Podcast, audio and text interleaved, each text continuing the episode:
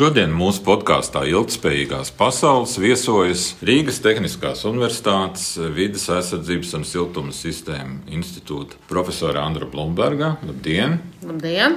Un profesors Gatis Bašbauers. Labdien! Labdien! Mani sauc Kārlis Valters. Sarunas tēma, kur mēs esam šodien izvēlējušies, ir post-covid sabiedrība vai un kas būs cilvēku attieksmē mainījies pēc eh, šīs krīzes um, attiecībā pret vidi, pret ilgspējību, pret resursiem, varbūt arī kādos citos jautājumos.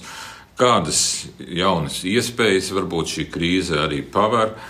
Un aspekts, kas ir saistīti ar šo neparasto situāciju. Es uzdošu jums abiem jautājumu, kā jūs domājat, vai cilvēki būs kaut ko mācījušies no šīs krīzes vai nebūs? Manuprāt, mums noteikti vajadzētu šo krīzi izmantot kā iespēju, lai no tās kaut ko mācītos. Bet vai mēs kā sabiedrība būsim kaut ko mācījušies? Varētu būt divi tādi galvenie viedokļi. Ja tad viens, ka varbūt mēs neko nebūsim mācījušies, un ka tiklīdz dzīve ieies atkal normālajās sliedēs, tā uh, viss notiks tāpat kā iepriekš, uh, un varbūt pat ar zināmu lielāku teiksim, tādu uzrāvienu, jo mēs būsim nocietušies, sabiedrība būs nocietusies pēc tās dzīves, kas ir kādu laiku bijusi iepauzēta. Nu, un otra versija, protams, ka mēs būsim pietiekami gudri, lai izdarītu kaut kādas secinājumus un korekcijas uh, veidā, varbūt kā mēs darbojamies, kā mēs strādājam, kā, kā mēs dzīvojam. Vēsturiskā pieredze, protams, tā kā vairāk atbalstīta pirmo viedokli, ka mēs neko daudz nebūsim mācījušies, jo, nu,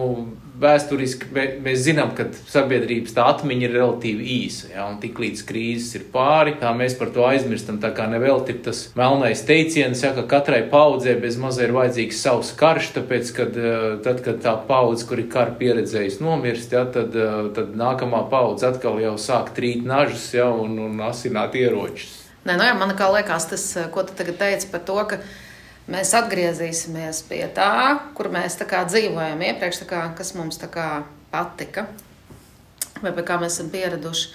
Nu, jā, un, eh, redzot eh, visu šo krīzi, man kā radās tāds jautājums, kas bija tā dzīve pirms Covid-19? Tas bija mūžīgs pieaugums, dzīšanās pēc mūžīga pieauguma, ticība mūžīgam pieaugumam. IKP iet eh, uz priekšu, uz augšu, ar vien tālāk, cilvēki dzimst ar vien vairāk, planēta tiek pārapdzīvota, un visi tic, ka tas būs mūžīgi. Tas tāpat nekur neved, tas tāpat būtu novedis līdz kaut kādai cita veida krīzē, un varbūt mums ir šī unikālā iespēja, ka tā krīze ir uh, apturējusi kaut ko varbūt lielāku un trakāku. Un man man eh, es um, dzirdēju nesen vienu TEDx runu, kurā runāja infektuoloģija slavena viena, un viņa teica, ka mums jāsaprot, ka Covid uzrādās no tā, ka šis bezgalīgais ekonomikas pieaugums, dzīšanās pēc tā pieauguma, nozīmē resursu noplicināšanu, un ka cilvēks iet iekšā biezokņos, mež, mežā, tur, kur cilvēkam nebūtu jāiet. Daba nav paredzējusi, ka viņš vispār tur iet un aiztiek kaut ko. Un, un,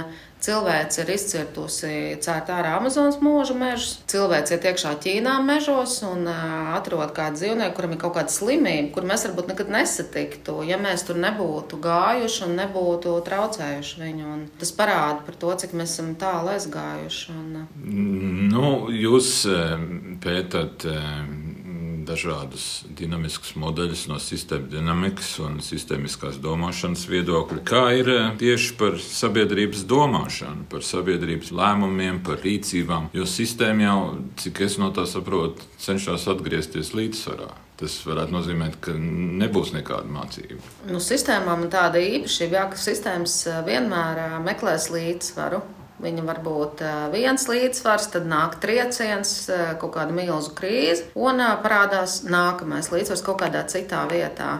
Nu, to mēs redzam, kā mēs, piemēram, ģimenēs adaptējamies. Pirms Covid bija līdzsvars, vecāki skrēja pa darbiem, strādāja, bērni bija pie auklītēm un skolās, ģimene kaut kad satikās. Tad nāk krīze, ir milzīgs šoks sistēmai, visi paliek mājās. Pēc tā šoka iestājas jauns līdzsvars. Mēs nonākam atkal kaut kādā citā vietā, kur mēs mēs varbūt strādājam citos apstākļos, mums bērni, ar bērniem jāsatiekās. Ja, un, un tā kā ir pilnīgi cits līdzsvars, kur mēs atkal adaptējamies. Man ir draudzene, privāta uzņēmēja, kas ļoti daudz strādāja. Un krīzes rezultātā viņai strauji sarūkā klientu skaits. Pirmais bija izmisums, ārprāts, ko es tagad darīšu. Un es pēc tam viņu satiku pēc mēneša. Viņa teica, tu iedomājies, es tagad daru lietas, kuras nekad agrāk mūžā nebiju darījusi. Es sāku pārdot savus pakalpojumus, jo pirms tam pie maniem nāca un prasīja manas pakalpojumus. Man likās, ka es nekad mūžā nevienam neko nevarēšu pārdot. Tagad es iemācījos pārdot, un tagad es pārdodu, man iet eh, ļoti labi, un es esmu atkal citā pilnīgi līdzsvarā, un es iemācījos to, ko es nemācīju pirms tam. Tā tad uh, krīze ir iespēja laiks pietiekami daudz ir atzinuši, ka ir kaut kas pozitīvs visā šajā laikā, atzīst to, ka tas skrējiens, kāds mums bija līdz krīzē, viņš jau bija pat traku. Jā, es zinu par gadījumiem, ka cilvēkiem pēkšņi, kuri nav varējuši ar, ar zālēm pat dabūt normālu asinsspiedienu, šis asinsspiediens pēkšņi normalizējās. Jā, es redzu, tēvs braucam kopā dēliem ar divriteņiem, ja, kad es eju uz, uz kājām uz darbu. Kādreiz tādas ainas tu nevarēji redzēt, ja, un kā Andri teica, parādās kaut kāda pilnīgi jaunas iespējas, kā var nopelnīt, darīt lietas, varbūt, kuras iepriekš nav bijis iespējams darīt. Es domāju, ka ir kaut kādas lietas eh, pēc šīs krīzes, kuras sabiedrība vairs nu, nebūs gatava atdot, ja, ka viņi, viņi, viņi teiks, nē, nu, bija tajā lietā arī tādi momenti, ja, tādi brīži un tādas iespējas, kuras mēs gribam gribam kaut kādā veidā paturēt. Ja? Mēs negribam to riteni atpakaļ, to vāveres riteni vai žurku skrējienu. Ja? Un jautājums ir tikai, vai tā sistēma ir pietiekami izsist no līdzsvara, ja mēs tā runājam no sistēmiskā viedokļa, un kāds būs tas līdzsvars, kurā tad mēs atkal atgriezīsimies vai nostāsimies. Ja? Bet, um, ja runā par šo cilvēku reakciju no, no sistēmiskā viedokļa, ja, tad faktiski pārsteidz vairākas lietas. Viena lieta, protams, cik strauji principā tā ekonomika arī apstājās cik maz tajā sistēmā bija tāda inercija vai, vai izturēt spēja. Un otrs, ka cilvēki tomēr, kas, kas parādās no sistēmiskās viedokļa, mēs zinām, ka cilvēki vienmēr nu, reaģē uz informāciju ar zināmu novēlojumu. Jā, ir, ir vajadzīgs laiks, lai mēs šo informāciju aptvertu, uzņemtu, sāktu reaģēt. Lasīju nu pat uh, MIT Technology Review uh, galvenā redaktora viedokli. Viņš teica, ka pārsteidzoši, ka, piemēram, nu, daudzās valstīs, arī nu, teiksim, viņš konkrēti runāja vairāk par Amerikas Savienotām valstīm, ka redzot to, kas notika Uhaņā, Ķīnā 2019. gada decembrī, mēs tik viegliprātīgi pret to izturējām. Mēs it kā mēs domātu, ka fizikas likumi Ķīnā darbojās savādāk nekā Amerikā. Jā. Sabiedrībai pastāv šī tūredzība, ka mums liekas, ka, nu, ka tā nav mūsu problēma. Teiksim, tāpat kā Krievijas viedoklis, ka tā varbūt ir rietumu un Ķīnas problēma, un tā tālāk mēs varam minēt virkni valstu, kas, kas, kas to problēmu ignorēja vai piegāja viegliprātīgi, kamēr tā krīze neskāra viņus. Es pie tā secinājumu nonācu, ka acīm redzot, līdzīgi ir ar klimatu mainību. Jā. Mēs uz to nereaģējam, kamēr tās ziepes nav tik lielas, ja, ka mēs esam spiesti reaģēt. Šī klimata mainība mūs aptur, noraujot bremzes tā ritīgi. Un, un, un, un šeit ir tas brīdis, kad mums varētu, vajadzētu mācīties, ja notiek šis faktors un klimata mainības dēļ, piemēram, ja, mums tiek norautas šīs bremzes Kā mēs tam varam gatavoties, kā mēs jau varam laicīgi sākt, kā saka, pāriet uz šo ilgspējīgo dzīvesveidu. Jo mēs redzam, ka baig viena pandēmija globāli un visu, un ekonomika var apstāties. Ja? Un, un, un klimata mainība mums var radīt vēl lielākas šīs problēmas. Tā krīze parāda to, cik daudz ir pasaulē nevajadzīgu lietu. Patērētāja sabiedrība, kas ir mākslīgi radīta pēc otrā pasaules kara Bretonvudas vienošanās laikā, kurā principā tika radīta jauna ekonomiska sistēma sistēma. Mums visu laiku tiek stāstīts, ka mums visu laiku ir kaut ko jaunu, jaunas mantas, jaunas lietas. Mums ir tik daudz lietu, kur mums vispār nav vajadzīgs. Mēs pat nesaprotam, kam viņas vispār ir vajadzīgas. Un tagad dzīvojot, mēs saprotam, ka pa lielam nekas no tā visa nav vajadzīgs. Tas viss ir liekas īstenībā. Un to, kas ir pamatvajadzības paēst, uzlikt kaut ko mugurā, bet tas nenozīmē, ka man ir pavasara sezonas kolekcija, tad es viņu izmetu, tad es man nāk vasaras sezona, tad rudens kolekcija, un es tik mainu, un katru gadu es nomainu domāju, četras reizes, un tas ir aizgājis kaut kādā tādā ārprātā tad tu saproti, ka nekas jau no tā nav vajadzīgs. Tik daudz lieka ir šī ticība mūžīgam pieaugumam, patērētāja sabiedrības eh, pamatā. Un man ir tāda klusa cerība, ka, ja šī krīze ievilksies, varbūt izdosies eh, to patērētāju sabiedrības iegriezt to riteni, kurš mūs ved pretī iznīcībai, eh, apturēt. Cilvēki vienkārši apieks, ka ir tik daudz lietas, kas vienkārši nav vajadzīgas, kas tiek ražotas, lai radītu peļņu ziņu kādam. Jā, es lasīju, ka ir liels risks tagad šīs Covid krīzes dēļ, ka nabadzīgajās valstīs e, ir jau un būs bats miljoniem cilvēku. Droši vien, ka tajos dinamiskos sistēmu modeļos tās sekas parādās pilnīgi negaidīti un pilnīgi kaut kur citur nekā ir pielikts spēks. Runājot par klimata krīzi, par e, globālo sasilšanu, mēs jau tagad redzam signālus ugunsgrēku Austrālijā un Kalifornijā, plūdi, citas dažādas dabas stihijas. Mēs jau vēl nezinām, varbūt tas lūzuma punkts jau ir ļoti tuvu. Kā jūs domājat, kam vēl būtu jānotiek saistībā ar klimata krīzi, līdzīgi kā ar šo infekciju, lai cilvēki apzinātos, ka tiešām ir jārīkojas, ka valstīm ir jāvienojās par izmešu samazināšanu un e, ļoti aktīvi jāveic darbības, lai to samazinātu. Par ko zinātnieki varbūt šobrīd uztraucās? Viņi uztraucās, ka faktiski šie klimata jautājumi ir pavirzījušies otrā plānā.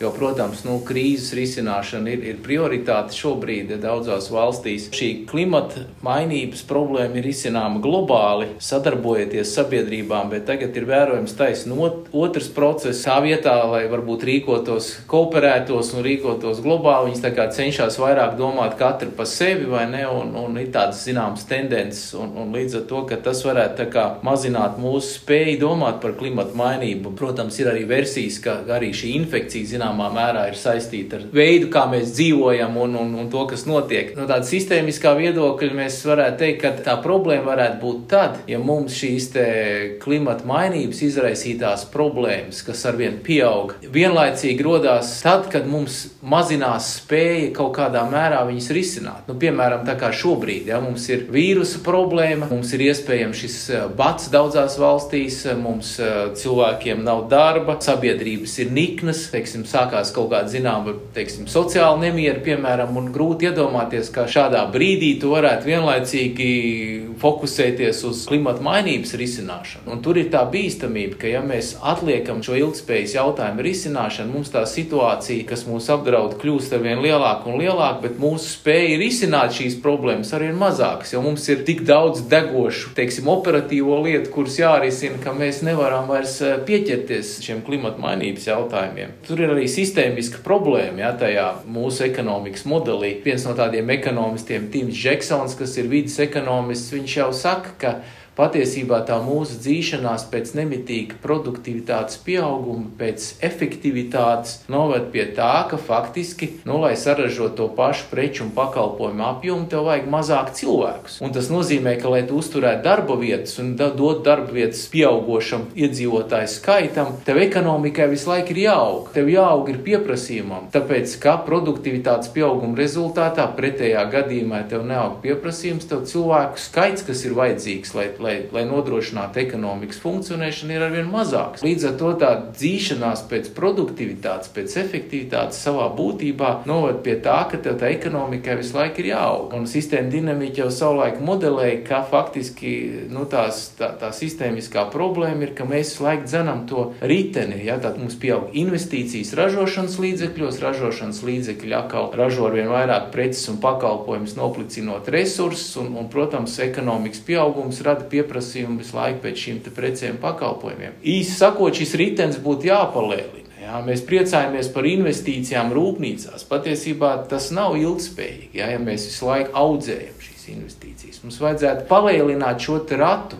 Jautājums ir, kā? Tims Džeksons piedāvā vismaz nu, tā viņa versija, varbūt ir vēl vidas ekonomisti, kas domā līdzīgi. Mums būtu svarīgi tie sektori, kuros cilvēki sniedz pakalpojumus cilvēkiem. Nu, piemēram, sociālā aprūpe, nu, veselības aprūpe, pedagoģija. Respektīvi, tie ir sektori, kas cilvēkiem sniedz gandarījumu, piepildījumu, kas ir ļoti vajadzīgi, jo tur ir cilvēku savstarpējā saskarsme, kuri faktiski neprasa tik milzīgu materiālu un resursu patēriņu. Tie būtu tie sektori, kuros tās darba vietas varētu tikt radītas. Tā ir viena no, no versijām. Es domāju, ka to būtu gudri darīt pakāpeniski, bet no Covid krīzes mēs varam mācīties, ka ļoti svarīga valstī ir līderība. Tikko iesaistījās līderi, tika pieņemti politiski lēmumi, tā uzreiz sākās pasākumu krīzes ierobežošana.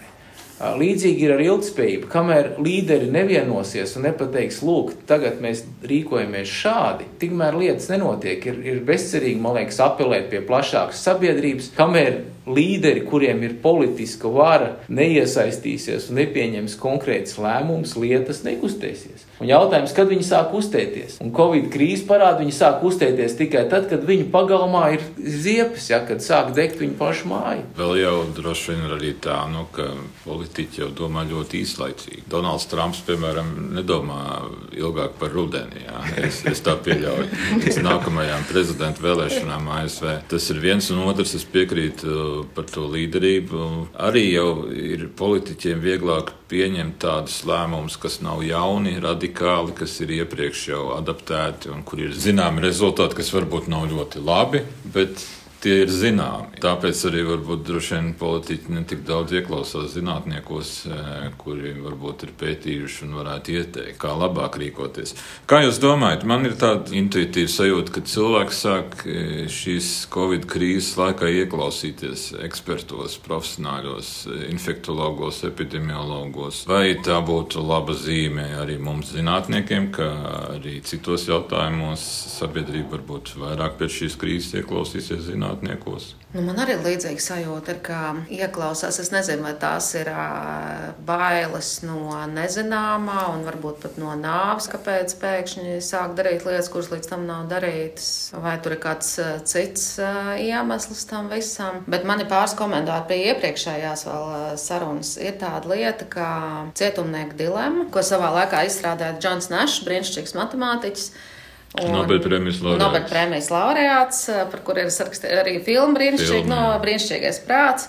Viņam ir tāda spēļu teorija. Viņš arī caur to cietumnieku dilemmu paskaidro, kāpēc sadarbība nav iespējama un kas ir paradoks, ka sadarbība vismazāk ir iespējama tad, kad katrs indivīds zaudē visvairāk. Tāpēc, ka apstākļos, kad mēs nezinām, kādu lēmumu pieņems pārējie eh, cilvēki, ar kuriem mēs esam kopā saistīti, mēs neusticamies tam, ka tie pārējie uzvedīsies godīgi. Nešs saka, ka apstākļos, kad mēs nezinām, ko darīs pārējie, mēs nepieņemam labu labāko risinājumu, kas būtu labākais visiem. Mēs pieņemam nākamo labāko risinājumu. Es eh, ticu tam, ka tikai sadarbojoties var atrisināt lielas lietas un arī mazas lietas. Laimīgākās valsts eh, jau ilgstoši ir Skandināva valstis, kur cilvēki ir vislaimīgākie. Tur dažādi mērījumi, pētījumi. Manuprāt, tas iemesls, kāpēc tas tā ir, ka tas ir vēsturiski, ka tad, kad vikingi iekāpa laivā, lai dotos uz Ameriku, tu nevari viens pats tikt pāri okeānam. Tev ir vajadzīga komanda, kurai tu uztici uzticēs. Tikai draudzīgi airējot, jūs varat tikt pāri okeānam. Un te ir tā it kā pretruna starp nešu teoriju,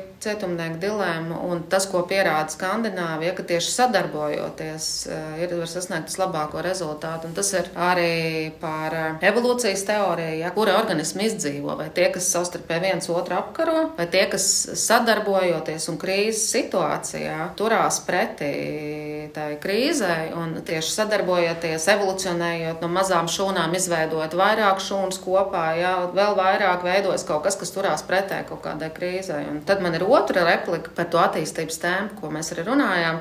Sistēmiskā domāšanā ir tāds ļoti svarīgs likums, ka ātrāk ir lēnāk, ka katrai sistēmai dabā ir savs attīstības temps, un jebkurai sistēmai ir optimālais temps, kā viņa attīstās. Tas temps bieži vien ir lēnāks nekā mēs gribētu, un ja mēs mākslīgi mēģinām pātrināt to sistēmu, tad tas jebkurā gadījumā ved pretī kraham. Klasiskais piemērs ir ar vēža šūnām, ja, jo vēzis tas ir kā kaut kas sāk attīstīties ātrāk nekā normāla šūnu dalīšanās, ja viņa attīstās straujāk. Un Covid krīze parāda, ka ātrāk ir lēnāk. Tā sistēma vairs nespēja dzīvot normāli pie tā ātruma, un, un dzīvnieks Ķīnas mežā ir varbūt tas, tas kas ir apturējis to visu, ja tā sistēma vienkārši vairāk nevar tādā ātrumā attīstīties. Vai zinātnieki pietiekoši labi saprot, kā klimats darbojas? Mēs saprotam, ka siltumnīca efekta gāzes negatīvi ietekmē sasilšanu un, un citas lietas. Bet, Andra, tu esi arī teikusi, ka, ja zilonis sadala divās daļās, tad neiegūs divas mazas ziloņas. Vai ir iespējams skatīties uz klimatu arī pa kaut kādām sastāvdaļām un risināt kaut kādas praktiskas lietas, piemēram, ar energoresursiem, piemēram, bioekonomikas jautājumiem, un paļauties, ka tas arī dos risinājumu, vai ir jāskatās visas tās sistēmas kopumā. Nē, nu man jau šķiet, ka ir jāskatās tomēr kopumā, ja, jo tā ziloņa dalīšana pa gabaliem cerībā, ka tur būs daudz maz ziloņi, ir muļķīgi. Nu, viens tāds piemērs Ķīnā ļoti interesanti ir pētījumi. Viņiem ir liels lokālais gaisa piesārņojums, tāpēc, ka viņi dedzina ogles. Mazās daļiņas, PM daļiņas, kas kā putekļi nonāk atmosfērā, viņi veido tā kā tādu jumtu pāri tām pilsētām, nu, tā kā smogu, ko mēs redzam, kas savukārt novērš to, ka zeme pārkarst, jo saule netiek caur tam smogam, un tāpēc tās pilsētas nepārkarst. Bet tagad, ja viņi pāries, piemēram, visi uz elektromobīļiem, kurus darbinās vēja stācijas, pazudīs smogs, un viņiem radīsies vēl lielākas problēmas. Tad, tad viņi novērš klimata pārmaiņas,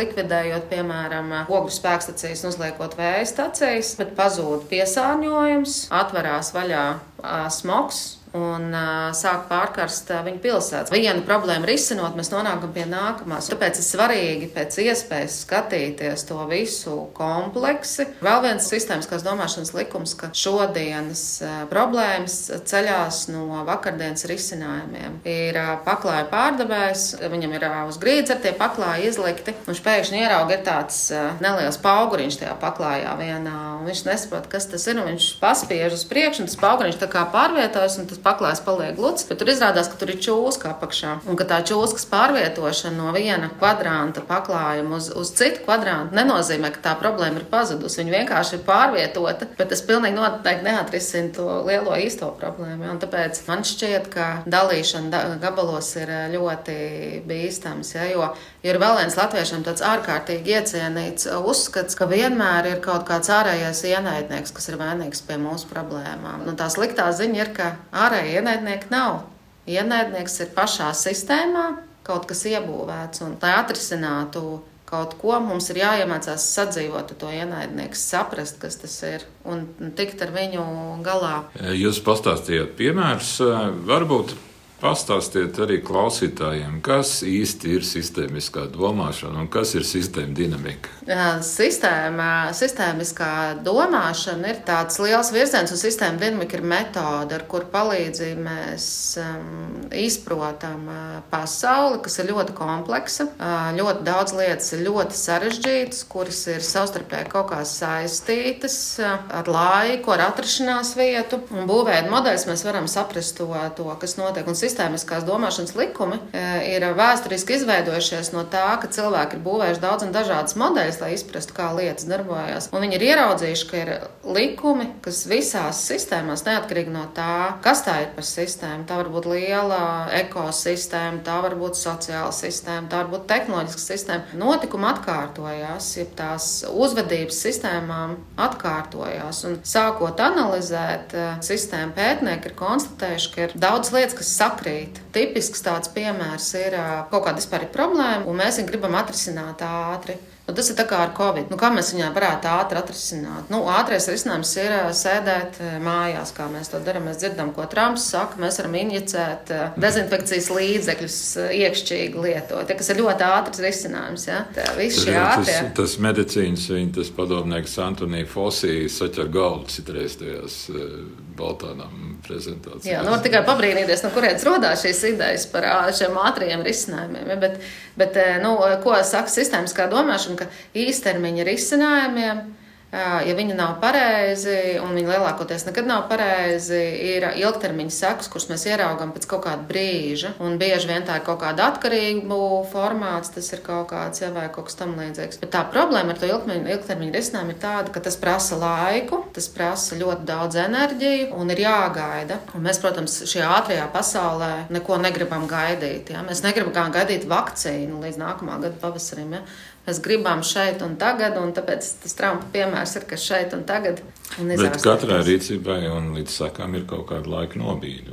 Ja, teiksim, runājot par tām vakcīnām, ja ir e, šūnām jāaug 48 stundas, tad ātrāk to nevar izdarīt. Ne? Nu, jā, tas tāpat kā līdzīgi, kā mums liekas, ka šobrīd, nu, ja mums, piemēram, nelido lidmašīnas, un mašīnas brauc varbūt mazāk, ja, tad problēma ar CO2 teiksim, izmešiem jā, būtu samazinājusies, un, un, un, un tā klimata problēma vairs, vairs nav. Jā, teiksim, bet mēs zinām, jā, ka kamēr vien mums kaut kāds daudzums CO2 ieiet atmosfērā, kopējā koncentrācija turpina augt. Ja ir virs nulles, ja šis radītais CO2 piesārņojums, tad mēs turpinām palielināt to CO2 koncentrāciju.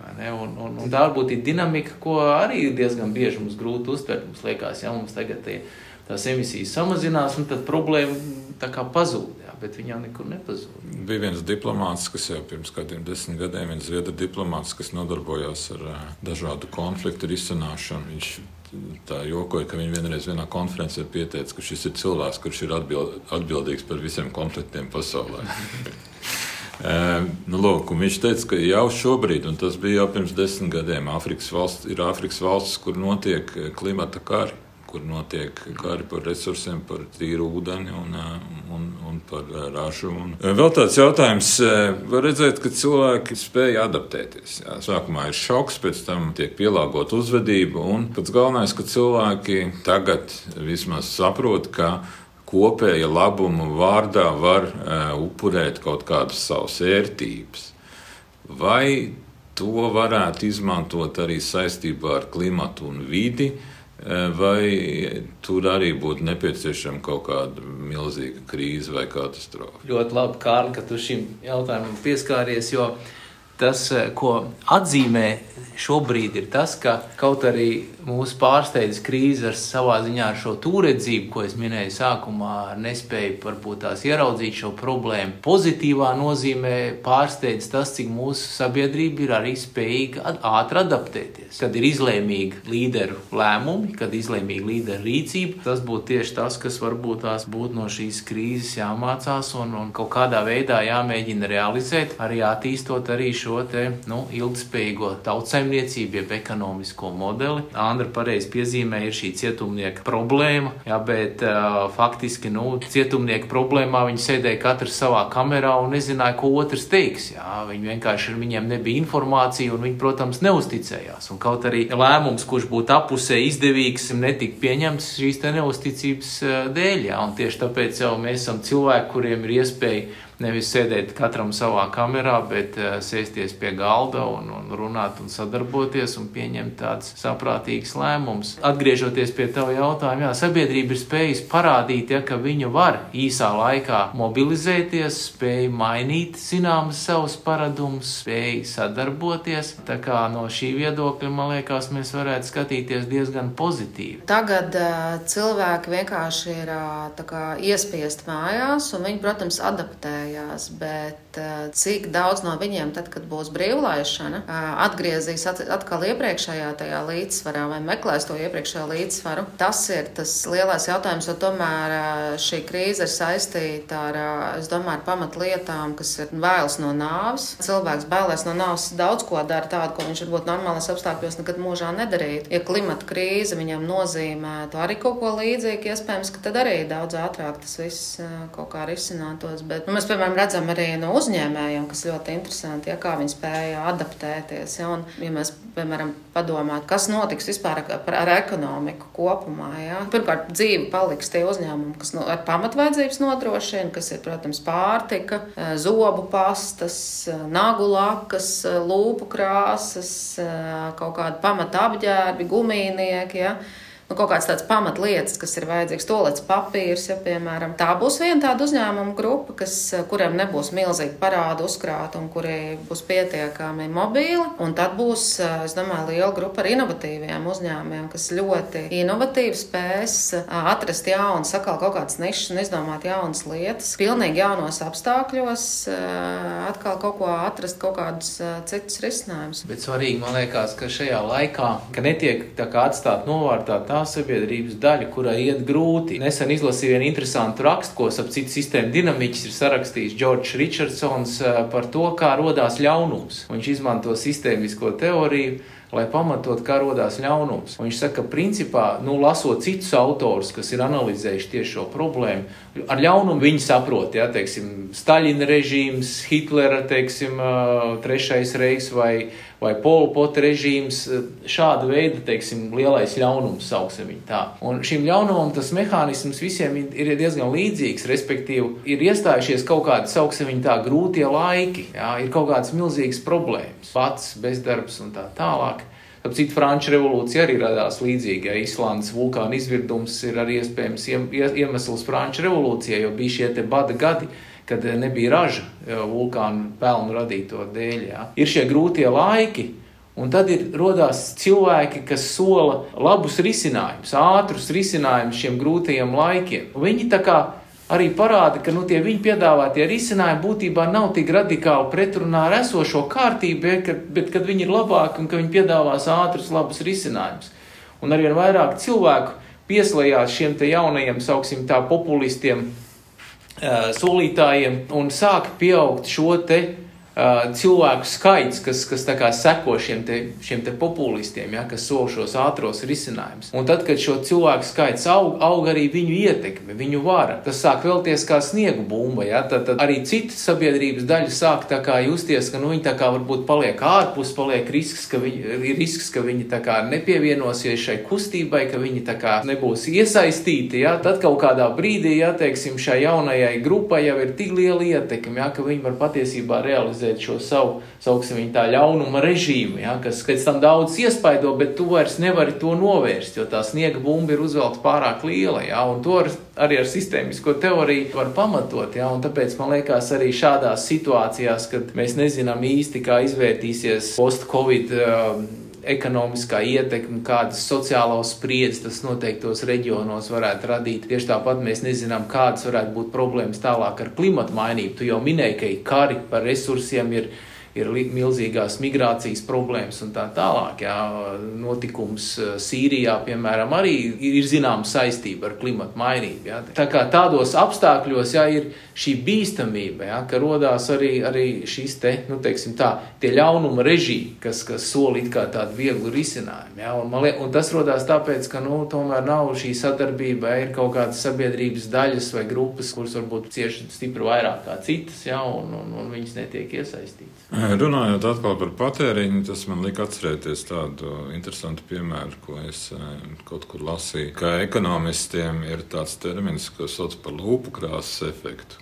Ekonomiskās krīzes laikā sievietes daudz vairāk pērk lūpu krāsas Viņas nevar atļauties ļoti dārgas kleitas un kurpes, un tad viņas, lai pucētos, izmanto e, lūpu krāsas. Un, e, tas varētu arī būt tāds piemērs, ka, lai sagādātu sev un citiem prieku, nevienmēr jāpērk tās dārgākās lietas. Tas patēriņš arī varētu būt samērīgāks, par to jau mēs runājām. Vēl man tāds jautājums, es esmu dzirdējis, ka sistēma dinamiķi var tikpat labi arī modelēt, piemēram, e, gultu skaitu citu medicīnas pakalpojumu. Nu, Kā zināms, tieši šādā krīzē medicīnas kapacitāte ir vien, viens no būtiskākajiem faktoriem, ko valdība arī ņem vērā. Tāpēc arī ir tā izolēšanās un ir tas tā saucamais flattening the curve, jā, cenšas samazināt slimnieku skaitu katrā dienā, un, un tas varbūt prasīs ilgāku laiku. Bet, lai, nebūtu, lai nepārslogot medicīnas sistēmu. Ka sistēma dinamiķi arī jūs, ka jūs spētu modelēt arī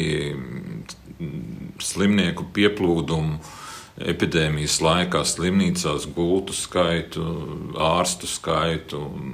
Tādus parametrus, kā to vislabāk darīt. Un, vai jūs ir arī kāds no valdības uzrunājis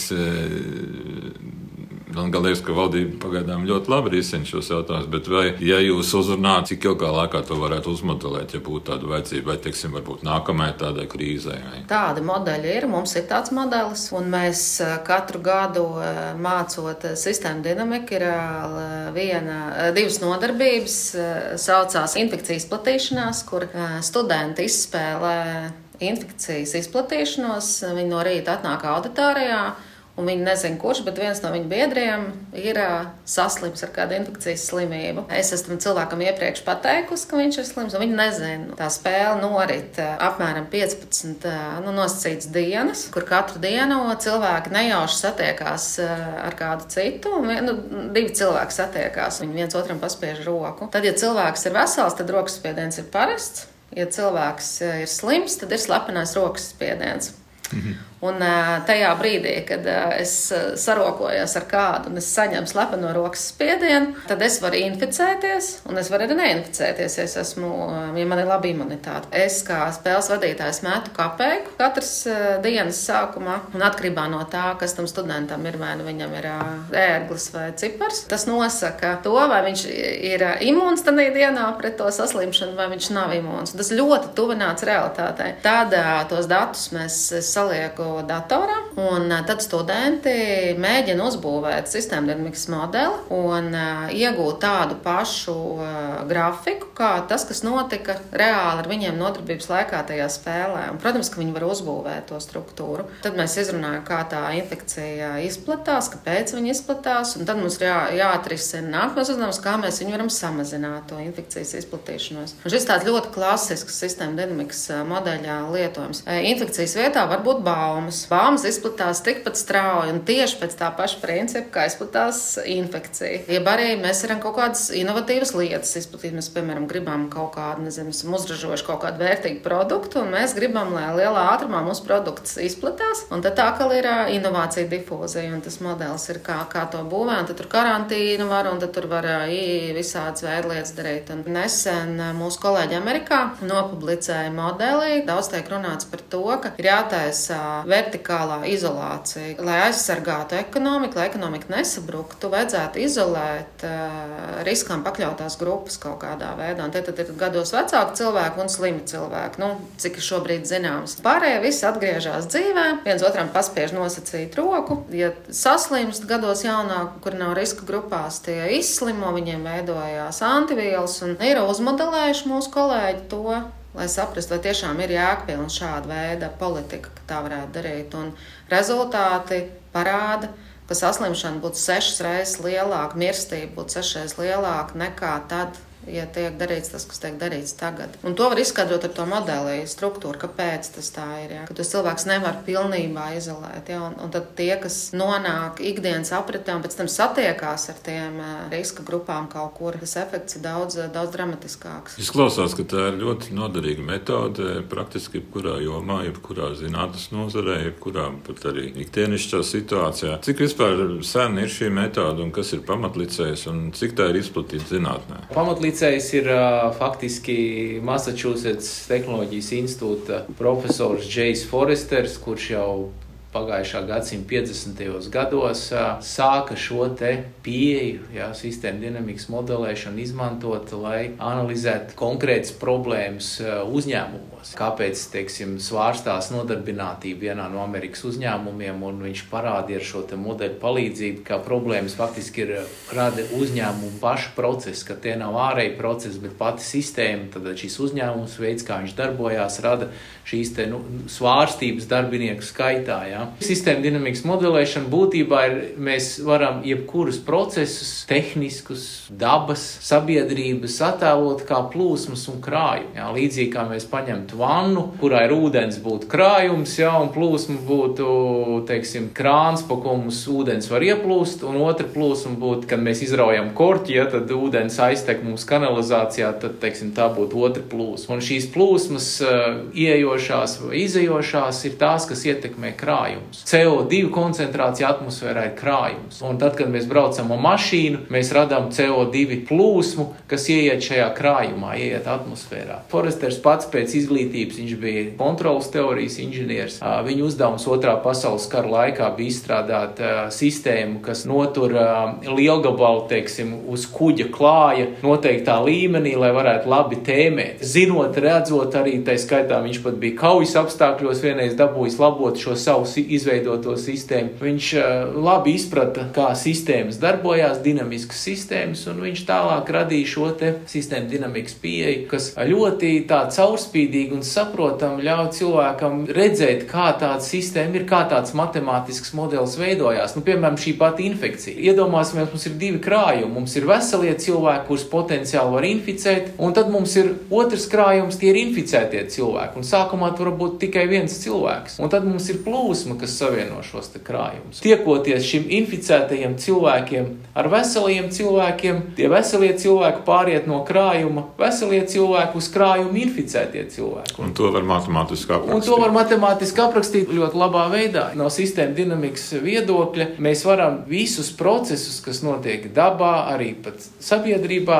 aprakstīt ar trīs pamatveidiem. Un viens no pamatveidiem, uzvedības pamatveidiem, Viens no uzvedības pamatveidiem ir eksponenciāls pieaugums pieaugums, ko mēs bieži vien arī nenovērtējam un neustveram adekvāti. Otrs veids ir tas, ko mēs saucam iešanu uz mērķi, iešanu uz kaut kādu līdzsvaru. Un trešais veids ir svārstības. Viss process ir aprakstām vai nu tikai ar šīm trīs pamatuzvedībām, vai viņu kombināciju. Tad, kad savu laiku sistēma dinamiķi radīja 70. gados šo pasaules modeli, lai saprastu, kur mūsu sabiedrība iet un, un kā tas viss varētu beigties, ņemot vērā iedzīvotāju skaita eksponenciālā pieauguma, piesārņojuma pieauguma, resursu patēriņu, tad viņi parādīja, nu, ka katrai sistēmai, protams, ir, ja angliski sakot, limits to growth, robeža pieaugumam. Mums nekas nevar augt eksponenciāli. Tieši tāpat kā infekcija. Viņa kaut kādā brīdī aug eksponenciāli, tāpēc, ka mums ir daudz inficēto un pietiekami daudz sasli, veselo cilvēku, un viņi savā starpā tiekās, ir daudz kontaktu, tas infekcijas pieaugums ir ļoti strauji, bet kaut kādā brīdī viņš palielinās un vairs neaug diviem iemeslu dēļ. Vai nu mums uh, vairs nav cilvēku, kurus varētu inficēt, jā, vai teiksim, mums, mēs esam panākuši to, ka mums vienkārši nav šie kontakti vairāk starp slimajiem un inficētajiem. Jā. Tā sistēma sasniedz kaut kādu robežu. Tāpat tās arī parādīja attiecībā uz planētu. Ja mēs tos resursus iztērējot, jā, mums pienāk šī robeža. Jā, un tad jautājums, kas pēc tam notiek? Vai mēs attīstāmies tālāk pēc tā saucamās S-veida uh, līknes, kad mēs sasniedzam kaut kādu līdzsvaru un normāli tālāk uh,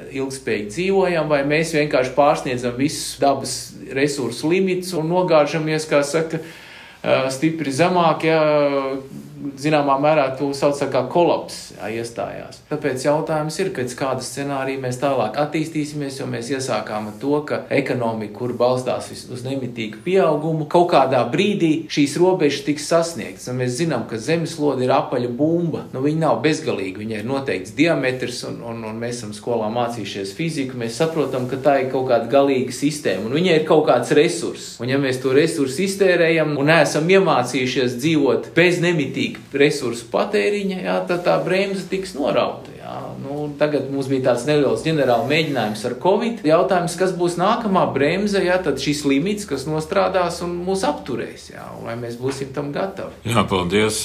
Vai ir kaut kāds jautājums, ko jūs katrs gribētu, lai es būtu uzdevis, bet es neuzdevu? Vai ir kaut kas, ko jūs vēl gribētu pateikt, kas jums liekas, ka klausītājiem būtu interesanti dzirdēt un svarīgi? Ir tāds um, vidus ekonomists, Kenets Baldings, viņam ir brīnišķīgs tāds uh, teiciens, ka mūžīgam pieaugumam tic tikai muļķi un ekonomisti. Nu, jā, kā Gats teica, ka šis ir brīdis, kad tā rokas bremze ir norauta. Tik grūti kaut ko piebilst, tas ir ļoti labi pateikts. Galvenais, es domāju, ar ko mēs arī sākām, jautājums ir, vai mēs kaut ko varam no šīs krīzes mācīties, un vai mēs varam kaut kādā veidā mērtiecīgi analizēt, kur tajā mūsu sistēmā veids, kā mēs funkcionējam, kā sabiedrība, kā ekonomika ekonomikas, kur ir vājie punkti jā, kur mums būtu jāveic kaut kādas struktūrālas izmaiņas, jāanalizē, jāmodelē, izmantojot šo sistēmisko domāšanu, sistēmu dinamiku, jā, atrodot sadarbības iespējas, meklēt, kā mēs to sistēmu varam uzlabot, jo ir skaidrs, ka tā bremze tiks rauta atkal. Jautājums, cik gatavi mēs tam būsim. Paldies, kolēģi! Šodien mūsu podkāstā Ilgspējīgās pasaules viesojās Rīgas Tehniskās Universitātes vidas aizsardzības un siltums sistēmu institūta profesori Andra Blumberga un Gatis Bašbavers. Mani sauc Kārlis Valters. Paldies, ka klausījāties un uz tikšanos turpmākajos raidījumos.